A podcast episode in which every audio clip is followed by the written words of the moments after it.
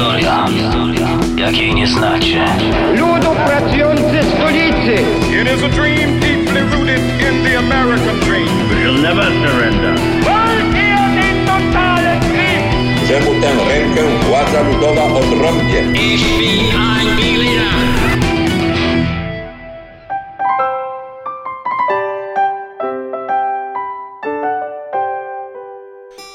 Historycy, którzy analizują zapiski francuskiej policji z połowy XVIII wieku, są zaskoczeni, jak częstymi i ważnymi klientami paryskich kupców byli zamożni obywatele Rzeczypospolitej obojga narodów. I choć rozwarstwienie majątkowe w czasach przed epoką napoleońską i rewolucją francuską nie było na kontynencie czymś wyjątkowym, to majątek naszych magnatów był gigantyczny, bez jakichkolwiek kompleksów wobec zachodniej Europy. Rozpiętość poziomu życia i majątku pomiędzy panami i włościanami jest sprawą oczywistą, ale w Rzeczypospolitej obojga narodów występowała ona także między szlachcicami najbogatszymi a masami bez ziemi. Magnatów stać było nie tylko na to, aby fundować budowę okazałych rezydencji na terenie korony i Litwy, wydawać tysiące liwrów i dukatów na wytworne towary. Po utracie państwowości rodziny Potockich, Lubomirskich, Czartoryskich stawały się właścicielami nieruchomości w Hamburgu, Livorno, Florencji czy Paryżu. Przez lata zachwycaliśmy się okazałymi pałacami magnatów, traktowaliśmy wymienione nazwiska rodowe jako symbol minionej świetności. Dziś coraz więcej mówimy nie tylko o wyzysku chłopów, ale wręcz niewolnictwie. Jak było naprawdę?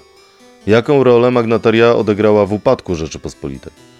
O tym w kolejnym odcinku specjalnego cyklu Historii, jakiej nie znacie.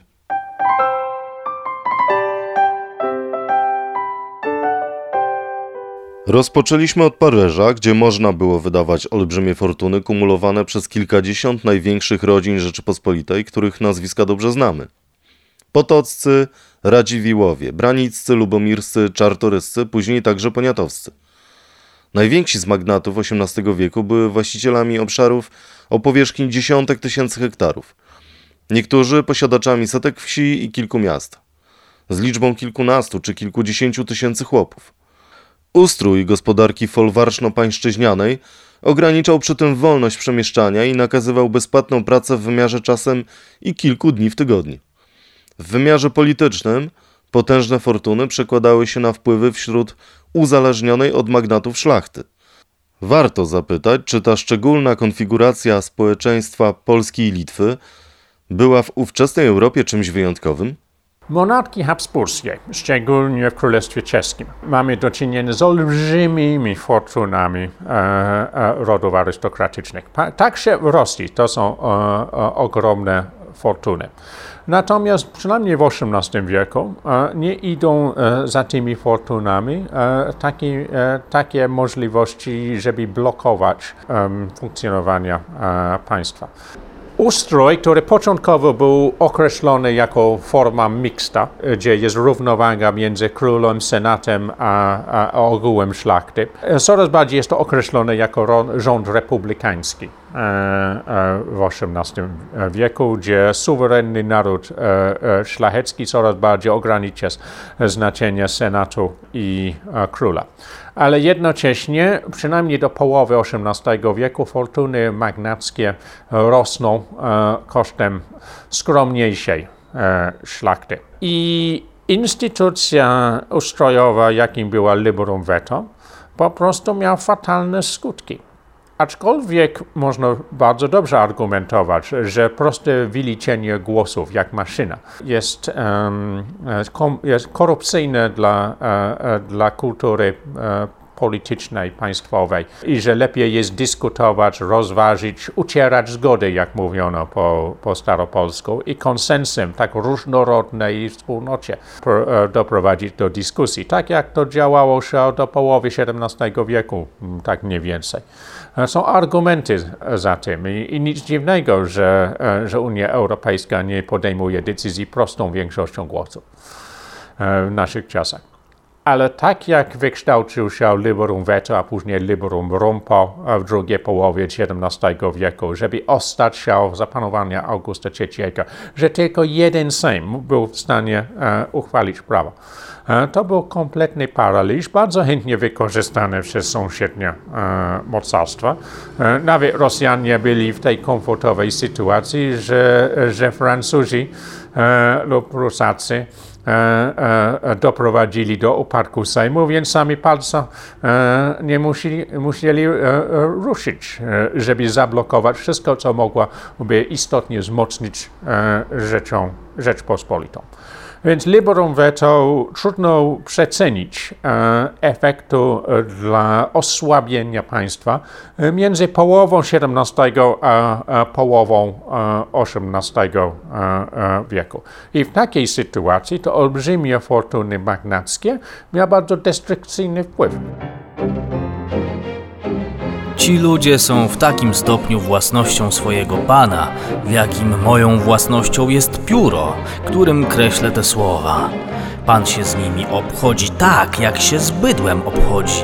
On ich zamienia, sprzedaje, przegrywa w zakładzie, w grze w karty, przepija. To fragment relacji z podróży do Rzeczpospolitej szwajcarskiego matematyka Johanna Bernoulliego. Tak w 1778 roku pisał o Włościanach, przemierzając bezkresne tereny Korony i Litwy. Zachwycając się rozwojem Warszawy, jednocześnie akcentował, iż nie wszyscy ludzie mieszkający w kraju mają wolność. Czy dziś, po blisko 250 latach, możemy mówić o tym, że legendarna Rzeczpospolita obojga narodów była w istocie państwem, w którym obok wolności szlacheckiej istniało także niewolnictwo chłopów? Jeśli niewolnictwo jest bardzo emocjonujące e, słowo, szczególnie w dzisiejszym e, świecie w kontekście Black Lives e, Matter. I były oczywiście różnice e, między położeniem chłopów pańszczyźnianych e, w Rzeczypospolitej obojga narodów, a położeniem afroafrykańskich e, niewolników e, na nowym, e, na nowym świecie.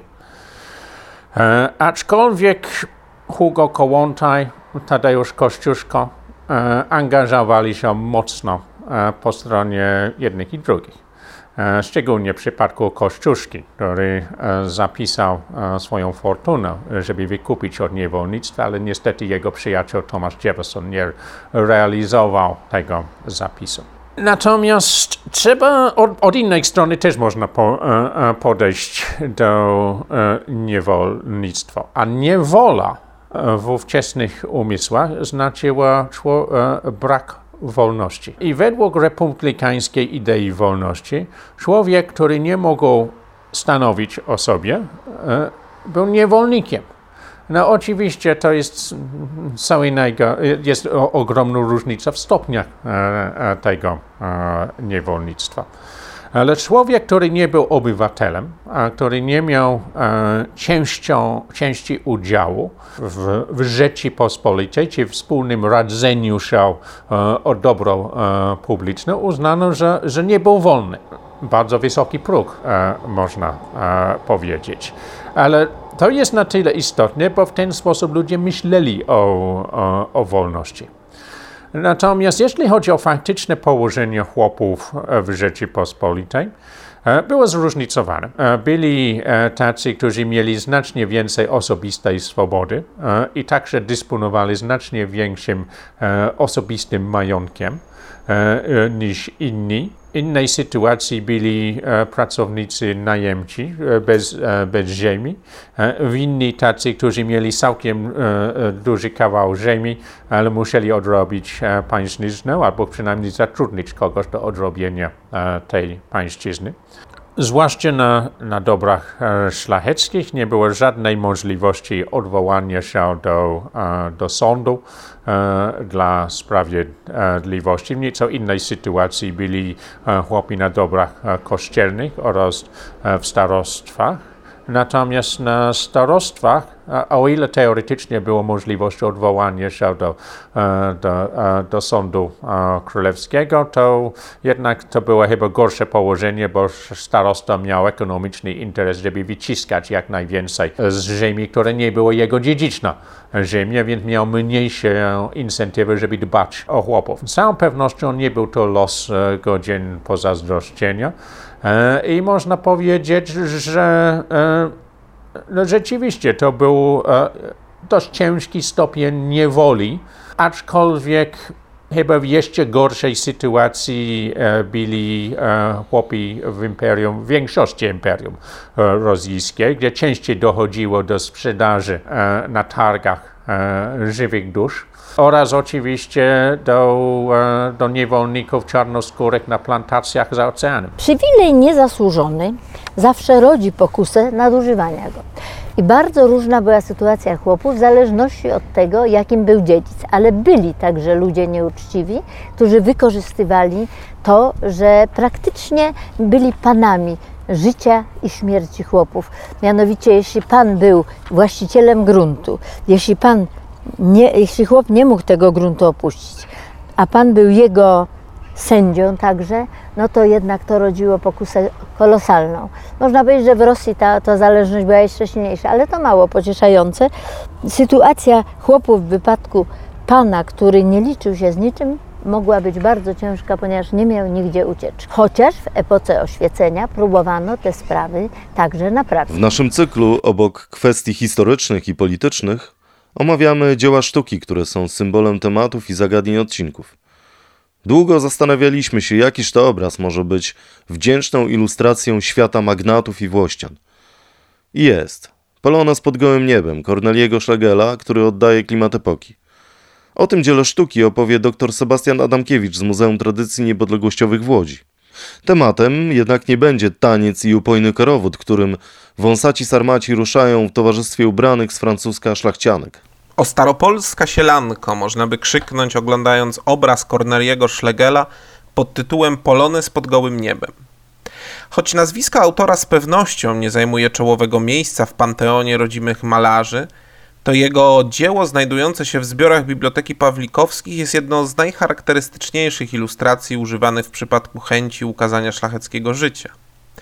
Nie można się dziwić tej intuicji ilustratorów. Jego arkadyczna sielankowość, dźwięczność sceny, swojskość pleneru ma coś w sobie ze wspomnienia, pocztówki z dzieciństwa, ulubionego zdjęcia niosącego na sobie cały bagaż nieskazitelnej przeszłości. Tak pewnie chciała się widzieć szlachta po upadku Rzeczpospolitej. Odsunąć od siebie oskarżenia o winie za koniec własnego projektu państwowego, a zastąpić je argumentem o niesieniu tradycji, opiekowaniu dziedzictwem, dzierżeniu niezbywalnego źródła tożsamości. Być może dlatego na obrazie widać pary tańczące poloneza, ten sam taniec, który nawet Adam Mickiewicz umieścił w Panu Tadeuszu jako swoisty amulet niosący na sobie cały ładunek polskości. Jest oczywiście w tym rysunku także pewne napięcie budowane przez niejednolitość strojów. Tradycyjne stroje staropolskie mieszają się tutaj z zachodnim sznytem. W istocie oddaje ono jednak to, czym była szlacheckość. Z jednej strony podkreślająca swoją wyjątkowość, odrębność kulturową, a z drugiej łypiąca na Europę z zazdrością i chętnie wzorująca się na zagranicznym stylu bycia. Czasem oczywiście ową zachodniość odrzucano, zwłaszcza w momentach, kiedy podkreślać chciano własną suwerenność.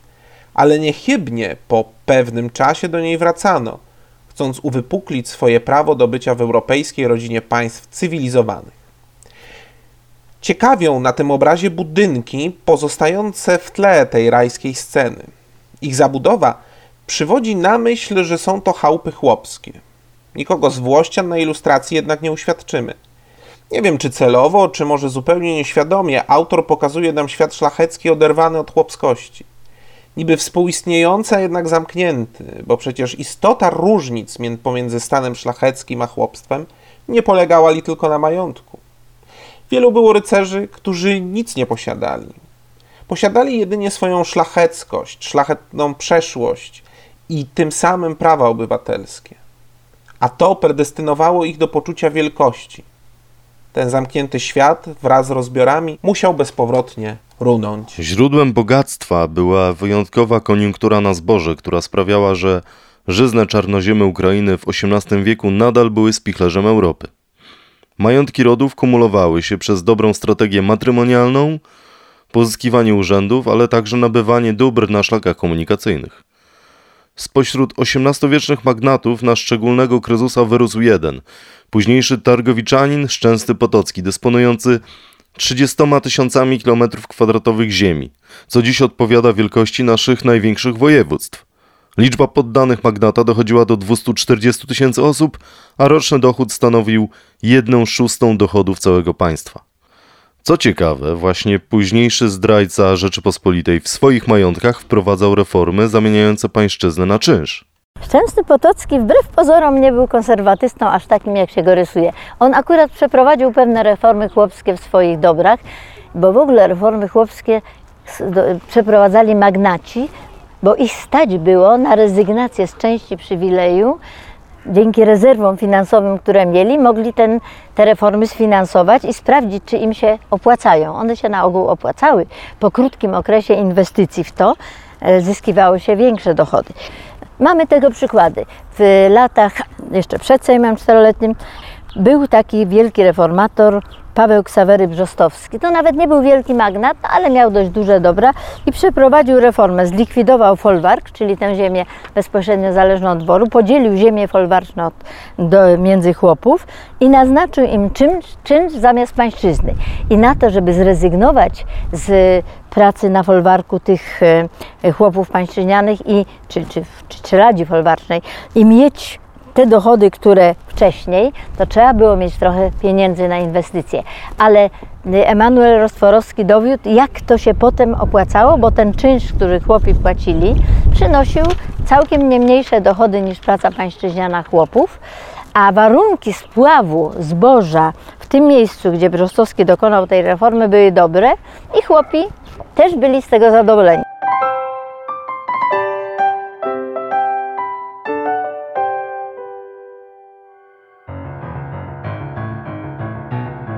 Lud rolniczy, spod którego ręki płynie najobfitsze bogactw krajowych źródło, który najliczniejszą w narodzie stanowi ludność, a zatem najdzielniejszą kraju siłę, tak przez sprawiedliwość, ludzkość i obowiązki chrześcijańskie, jako i przez własny nasz interes dobrze zrozumiany, pod opiekę prawa i rządu krajowego przyjmujemy, stanowiąc, iż odtąd jakiebykolwiek swobody, nadania lub umowy dziedzice z włościanami dóbr swoich autentycznie ułożyli, czyli by te swobody, nadania i umowy były z gromadami, czyli też z każdym osobno wsi mieszkańcem zrobione, będą stanowić wspólny i wzajemny obowiązek, podług rzetelnego znaczenia warunków i opisu zawartego w takowych nadaniach i umowach, pod opiekę rządu krajowego podpadający. Konstytucja 3 maja oferowała chłopom opiekę państwa, która była oczywiście tylko wtedy ważna, jeśli właściciele, bo to też wprowadzała, zawarli z chłopem umowę. Wtedy gwarantem dotrzymania tej umowy przez każdą ze stron był sąd państwowy.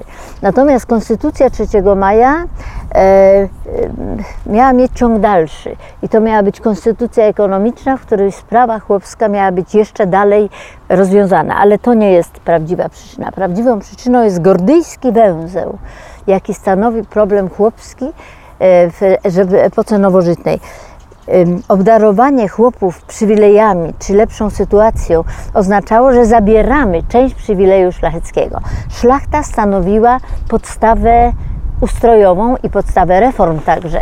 I to dlatego ani Kościuszko nie zdobył się na ważniejsze reformy niż te, które tylko na czas powstania prawda, przyjął, ani e, w XIX wieku nie tak chętnie nie chciano, nie chciano tych chłopów uwłaszczyć, aż doczekaliśmy, że w ostateczności uwłaszczył to na ziemiach zaboru rosyjskiego rząd carski, bo to oznaczało pauperyzację dużej części tej uboższej szlachty.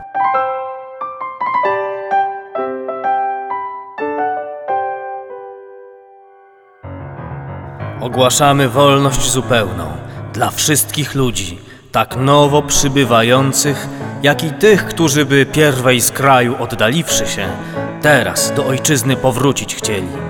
Tak dalece, iż każdy człowiek do państw Rzeczypospolitej, nowo z którejkolwiek strony przybyły lub powracający, jak tylko stanie nogą na ziemi polskiej, wolnym jest zupełnie użyć przemysłu swojego, jak i gdzie chce. Wolny jest czynić umowy na osiadłość, robociznę lub czynsze, jak i dopóki się umówi, wolny jest osiadać w mieście lub na wsiach. Wolny jest mieszkać w Polsce lub do kraju, do którego zechce powrócić, uczyniwszy zadosyć obowiązkom, które dobrowolnie na siebie przyjął. Ale ten czwarty artykuł Konstytucji 3 maja zawiera bardzo ważny, konkretny przepis, a to jest to, że ktokolwiek e, przy, przyjdzie do, e, do Rzeczypospolitej, e, mówili do państw Rzeczypospolitej, jak tylko stanie na ziemi polskiej, będzie człowiekiem wolnym. A to znaczy, że może iść do miasta, zatrudnić się, uczyć się rzemiosła, E, albo może iść do, do któregoś majątku e, i zrobić umowę ze swojej pracy e, lub ze swoich płodów, żeby, żeby w zamian otrzymać gospodarstwo. A jak wypełnia swoje obowiązki, może przenieść się dalej. I to nawet dotyczyło tych, którzy wcześniej opuścili Rzeczpospolitą. To Katarzyna II była przerażona tym, obawiała się masowej migracji niewolnych chłopów do kraju, gdzie mogą być o wiele wolniejsi. Też budziło to niepokoje e, w Prusach i w Austrii. Prawda, że, e, że wojsko dość boleśnie przypomniało chłopom, e, że konstytucja nie zniosła poddaństwa. Ale z takim postanowieniem konstytucji, z takim, z takim kierunkiem, tym bardziej, że konstytucja zadeklarowała, absolutnie jasno, że chłopi są najliczniejsi i najużyteczniejsi, naj, najlepsza część e, narodu e, polskiego. Jak w takiej sytuacji utrzymać poddaństwo dłużej niż jedno pokolenie, zwłaszcza w regionach przygranicznych? Konstytucja była o wiele radykalniejsza niż, niż większość ludzi sądzi.